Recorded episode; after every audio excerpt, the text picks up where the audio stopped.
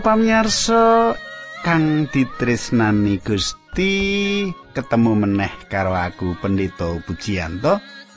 Ana ing sadroning adicara kang wis dadi kenangan panjenengan yaiku adicara margi utami. Pangajapku muga panjenengan tansah kinantenaning Gusti lubering rahayu ana ing patemon kita iki lan panjenengan kabeh tinebihna ing sambi kala apa-apa. Katangku tak suwun panjenengan wis nyawisake kitab suci, wis nyawisake wektu kanggo tetunggalan karo aku. Sugeng midhangetake adicara iki.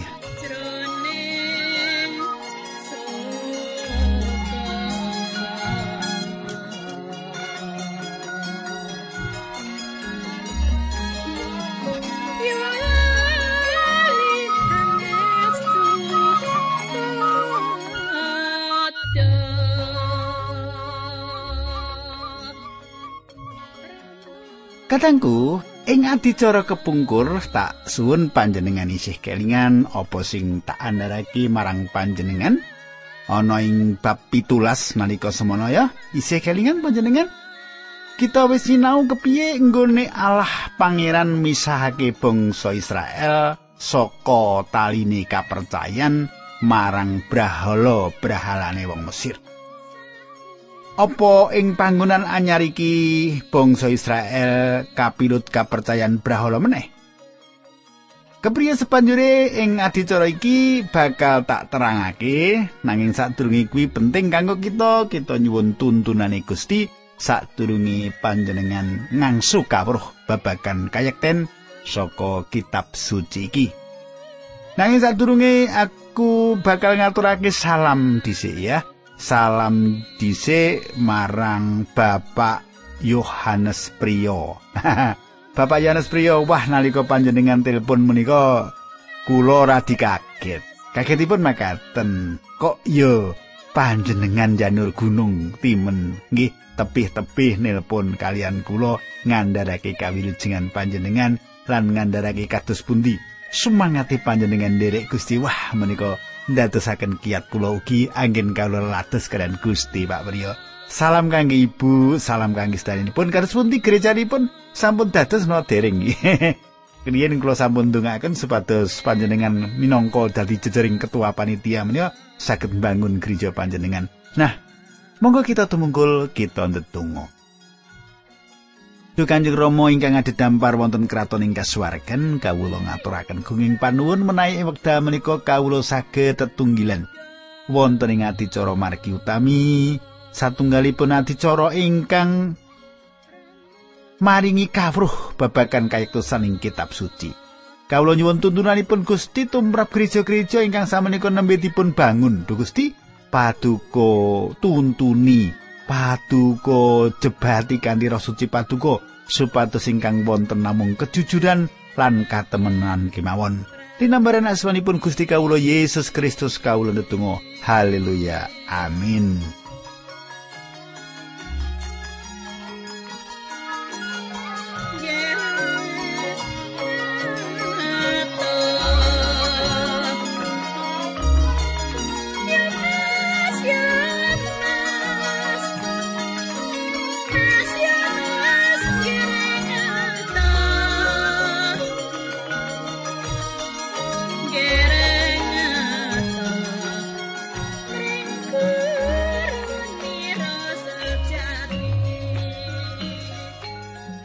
Katengku kang dak tresnani ing giaran dina iki kita arep ngegilut kitab kaimaman pasal 18 utawa bab 18. Ing kene disebutke yen uripe umat Allah iku kudu suci. Ati sing murni resik ing sakjroning ngadepi sembarang kalir perkara iku sing didhawuhke dening Allah. Ing dalem ngadepi sembarang kalir perkara ati kudu murni ati kudu resik Nah, katangku pasal iki njlentrehake isine pepakon 10 sing nomor pitu, yaiku bab jino.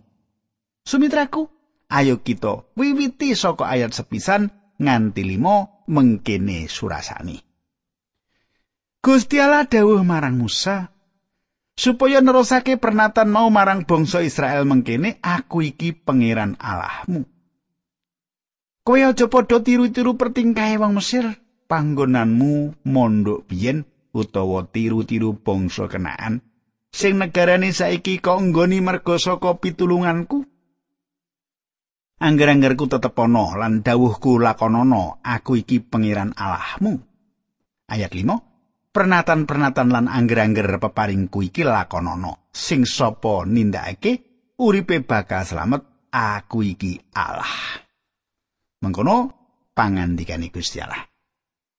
Katanggu durung suwe nggone Israel ninggalake Mesir sing ing kono dosane Israel bebarengan karo dosane Mesir sing banget jijiki dosa sing jember Jiji iku bakal dibuka ing ayat-ayat iki.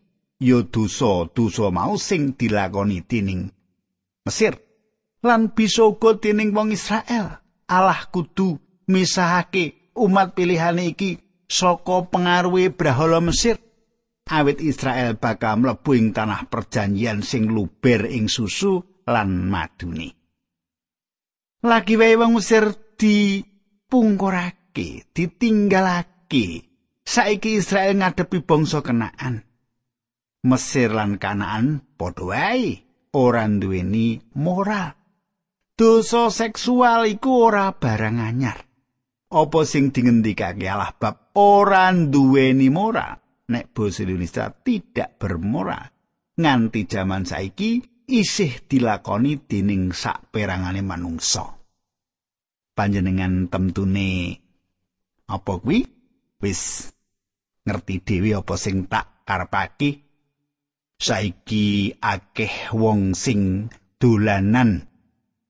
Wong wadon wong wadon dolanan wong lanang kumpul turu karo.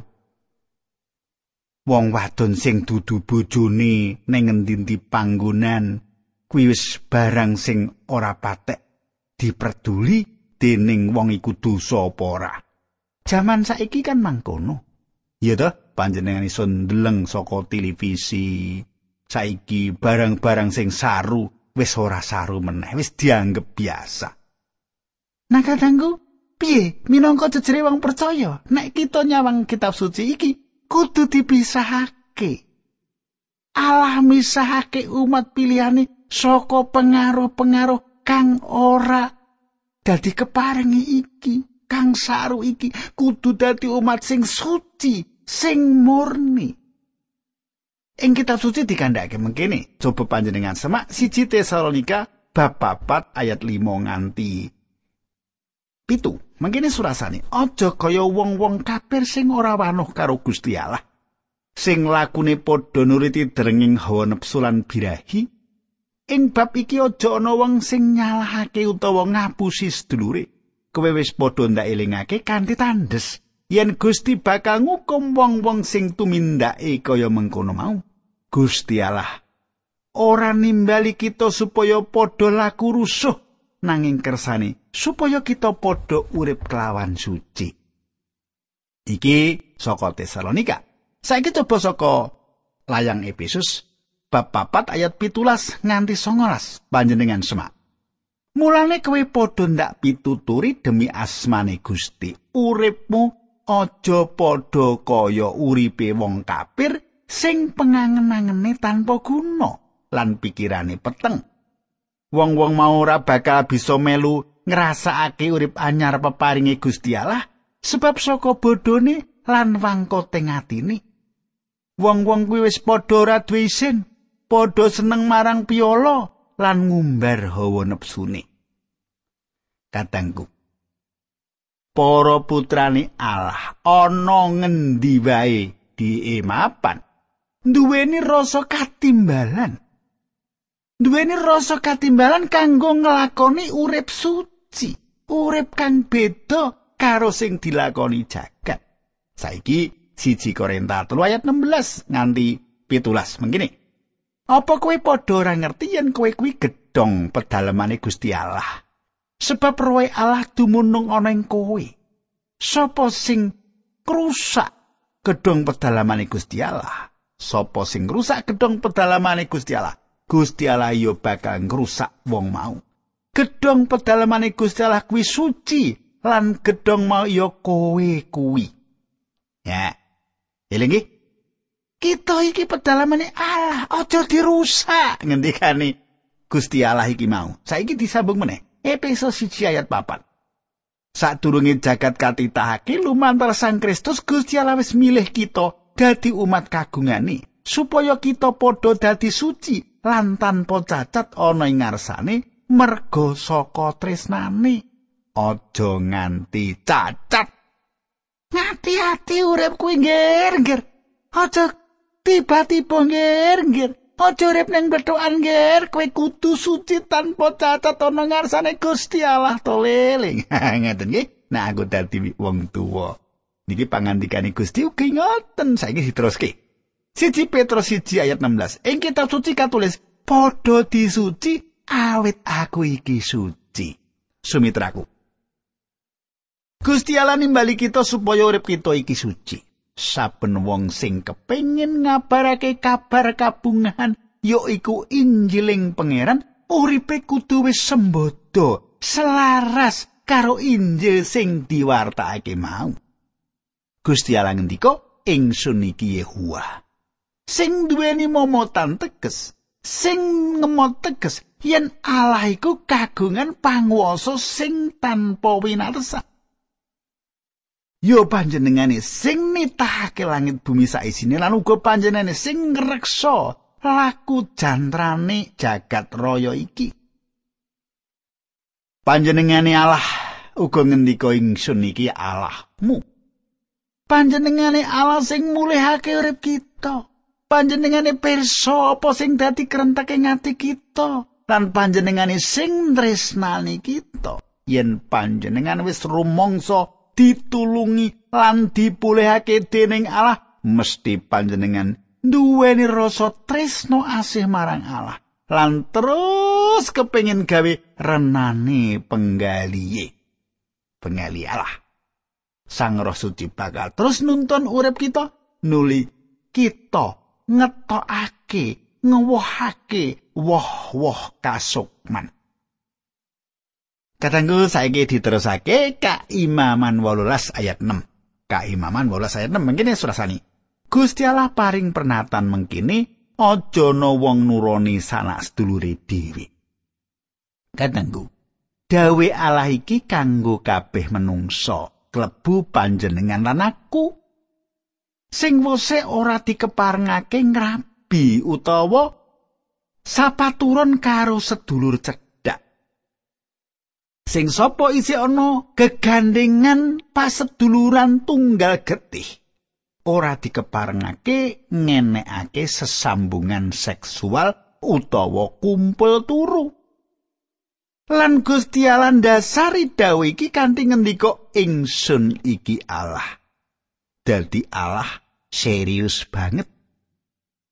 Saiki ayat pitu, aja nuroni biyungmu supaya ora ngremehake marang bobolan biyungmu. Ayat 8, aja nuroni slire bapakmu supaya kowe ora ngremehake bapakmu. Kadangku, Gusti Allah ora ngeparengake anane inces. Inces kuwi kumpul turu karo tunggal sedulur ya hubungan sek antar saudara inces wah kaya patrape kewan wae to nek ditindakake jijiki banget nanging dosa iki kelakon ing kutha Korintus nganti kanthi rasa abot Rasul Paulus nulis layange mengkini coba panjenengan semak siji Korinta 5 ayat 1 Satemene aku wis krungu yen ing antaramu ana sing laku jina nganggo cara sing ngungkuli carane wong kafir. Wong sing ora wanuh karo Gusti Allah, ya kuwi laku jina karo ibune kualon dhewe. Kadangku, ing jaman saiki ra isih ana to lelakon kaya ngene iki. Mula Gusti Allah kanthi gamblang nuding anane dosa iku. Ana to ning koran kae? iku apa kuwi ngrodha peksa ibune kuwalon ya iku ana kedadian kang mangkono kuwi ya lah iku ora bareng iki duraka banget iki ngremehake wong tuwa ngremehake awake dhewe ngremehake agamane ya ta Saiki kaimaman bab 18 ayat 9 nganti ayat 15. Mengkene surasane. Aja nuroni sedulurmu utawa sedulurmu kualon iya sing digedheke bareng karo kowe utawa sing ora. Aja nuroni putumu kowe bakal gawe wirangmu dhewe. Aja nuroni sedulurmu nunggal bapa biyung merga kuwi sedulurmu dhewe. Aja nuroni mbok cilikmu ya sedulure bapakmu utawa sedulure ibumu. Aja nurani bojone pamanmu merga kuwi mbok cilikmu. Aja nurani mantumu. Sumitraku bab hubungan seksual lan ningkah karo sedulur cedhak dicethake yen iku mau kabeh dosa. Mula Gusti Allah ya aturan supaya ana wates nggone padha arep salaki rapi apa dene ora nindakake dosa-dosa seksual? Wong-wong Mesir nindakake dosa-dosa iku mau kaya sing ditulis sing ayat 9 raja-raja Mesir prengon padha ngawinake antarane sedulur tunggal bapa biyung pancen nalika iku durung ana aturan sing nata bab iku uga kain lan set padha ngawinake anak-anake Bapa Abraham uga ngrabi sedulure kualon nanging dawe Allah sing ditulis sing Torat iki nglarang tumindak mau kabeh. Saiki kaimaman 18 ayat 16 nganti 18. Mengkene surasane. Utawa bojone kakangmu, aja nuroni wong wadon utawa putune wadon wong sing wis tau kok turuni, sebab bisa uga wong kuwi isih sedulurmu lan kuwi nerak adat. Aja amek bojo ipemu, sedulure bojomu sadrone bojomu isih urip. Katangku. Sinadyan tresno dikaya ngapa sedulur tunggal welat sekandut ora bisa nganakake hubungan sek utawa kumpul turu. Uga sedulur kualon, apa maneh nganti omah-omah bebarengan. Bapak Yakub uga ngrabi Mbak Yu adike anake Laban, Lea lan Rahel pancen. Keluargane Yakub ora ngalami ketentreman. Bener to? Ora ngalami ketentreman nalika Bapak Yakub sugeng. Durung ana dawuh iki. Saiki kaimaman 18 ayat 19 lan 20. Aja nuroni wong wadon sing lagi nggarap santri. Katangku senadyan wis dadi bojone. Kumpul turu uga ana watesane. Kumpul turu karo sing wadon, kumpul turu karo sing lanang ana watesane. Kabeh sing mung adhedhasar hawa nepsu ora dikeparengake. Kabeh kudu ditindakake manut apa kang dadi angger-anggere Allah. Cetha ya. Cetha ga, sedulur, cetha ya. Nah, saiki ayat 20. Aja nurani bojone wong liya penggawe sing mengkono mau najis. Katangku, Gusti Allah yasa beteng sing sentosa kanggo mageri umate saka tumindak sing ora duweni moral saka wong-wong sing ngagungake brahala. Keluargane sing uripe suci iku dadi tandha yen keluargane Allah. Ana papan cuci ing kemah pasewakan sing kanggo nganakake pangibadah supaya lestari uripe. Semono ing omah kita, omah iku panggonan pangibadah tumrap kita, para putrane Allah. Ing perjanjian anyar bab iku akeh diceritakake. Kaimaman 18 ayat selikur mengkini surasane aja ngrujuki anakmu dinggo sajen marang molok merga penggawe mengkono mau nyawiyah marang asmane Allah. Katangku, anak-anak iku kaya dene wiji. Senadyan disamudana, korban brahala molok iku ana upacara sing sipate ana kegiatane hubungan laku bandek antarane wong lanang lan wadon. Prabawane molok iku panas, warnane abang, bocah sing dikorbanake diturukake ana ing pangkone molok kanggone wong percaya iku bab sing gawe miris anak kok dikorbanake kanggo brahala iki kepiye Nah, kitab suci paring tetimbangan ngene. Coba panjenengan semak loro raja-raja pitulah saya telung puluh siji. Wong awa gawe recane nibas lan tartak. Dene wong Sefarwaim nyaosake kurban hubungan kanggo dewa Adramelek. Lan Anamelek sing dikorbanake anak-anake. Yeremia pitu ayat 31. Ana ing lebak Ben Hinom padha gawe mesbeh sing padha disebut Tofet kanggo ngorbanake anak-anake lanang lan wadon kaobong ing geni. Aku ora tau ndawuhake sing mengkono lan yo ora tau ana penggalih sing mengkono. Ing kaimaman rong ayat telu kadangku nulisake yen tumindak kaya ngono mau gawe najisi Allah sing maha suci. Kayektene Allah diregeti, dinajisake dening wong-wong sing nindakake panembah marang brahala. Katresnane Allah marang bocah-bocah, marang anak-anak kita kanthi cetha ditulis saka purwaning dumati nganti wahyu. Gusti Yesus ngendika, "Karben bocah-bocah iku nyedak marang aku. Saiki diteruske ayat 22 kaimaman bab 18. Mengkene sulasane, wong lanang ora kena nuroni padha wong lanang, Allah sengit marang penggawe sing mengkono kuwi. Kadangku, ing perjanjian lawas lan perjanjian anyar, Allah nyupatani kabeh dosa seksual ing layang Roma kanthi cetha ditulis Rom siji ayat 24 nganti ayat 28 mengkene surasane sarehne manungsa dadi bodho kaya mengkono mulane Gusti Allah ngujo manungsa nglakoni perkara-perkara sing asor lan nista manut kasenengane atine kabeh padha nglakoni perkara-perkara sing rusuh. Kasetyane Gusti Allah dilironi goroh. Wong-wong mau padha luwih seneng lan ngabekti marang barang gaweane dhewe ketimbang karo Gusti Allah sing nitahake sing mesine diluhurake ing selawas-lawase. Amin Ayat 16 mergo saka iku Gusti Allah masrahake wong-wong mau marang hawa nepsune dhewe sing rusuh wong wadon padha tumindak rusuh ninggal kalumrahan Mengkono uga wong lanang padha nyimpang saka patrape sanggama sing lumrah karo wong wadon nanging padha birai karo pepadane wong lanang. Lanang karo lanang padha timindak nista nganti padha nampa piwales sing timbang karo dosane mau. Ayat 22 Sarene rumongsane ora perlu wanuh marang Gusti Allah mulane Gusti Allah negakake pikirane wong-wong mau dadi rusak nganti padha ngelakoni sing ora patut. Kadangku cetha ya, wong lanang ora kena. Sanggomo nek ngene mau sanggama sanggomo karo wong lanang. Wong wadon ora kena sanggama wong wadon karo wong wadon.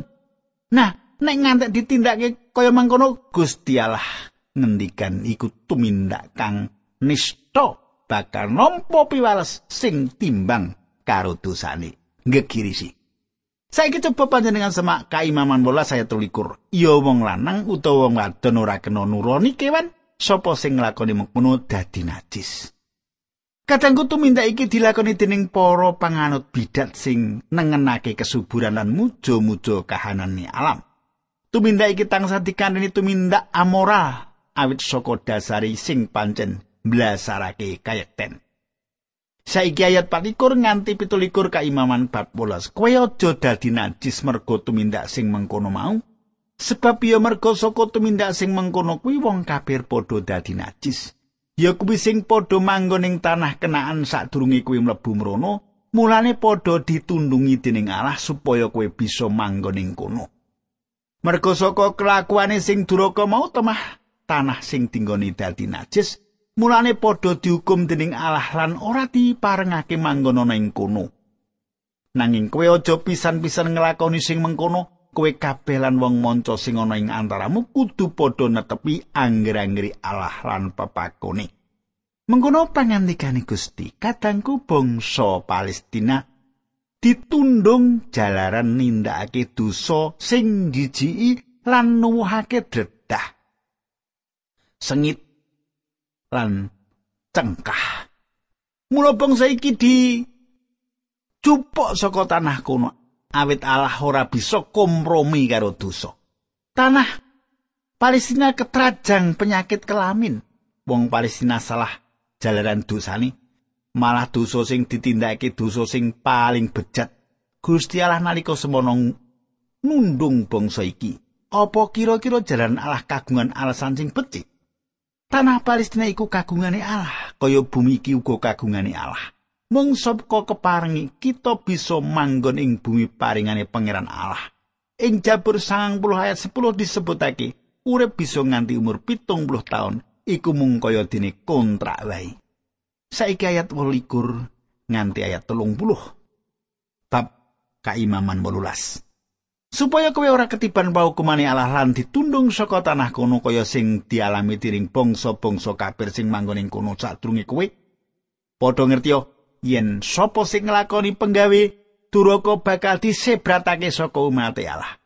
Mulane Allah ngendika padha netepno pepakon-pepakonku aja niru penggawene bangsa-bangsa kafir sing biyen manggon ing kono sadurunge kowe. Aja najisake awakmu dhewe srana nglakoni penggawe-penggawe mau. Aku iki pangeran Allahmu. Kadangku Gusti Allah paring penget marang kita manungsa sing sapa nglakoni dosa ing tanah peparing Allah mesti bakal nampa paukuman kaya dene para luhur sadurunge. Gusti Allah ngersakake bumi iki suci jaran Gusti Allah ngersakake bumi iki diperintahkan adil. Mula kasucen kudu dadi dasare keadilan amin monggo kita tumungkul kita ndedonga Duh Kanjeng Rama ing swarga kawula ngaturaken gunging panuwun menawi wekdal menika kawula saged medharaken sabda saged ngegilut pangandikan paduka supados dados kawruh kasukmanipun para sanakateng kawula. Dinambaran asmanipun Gusti kawula Yesus Kristus kawula tetunggal haleluya amin.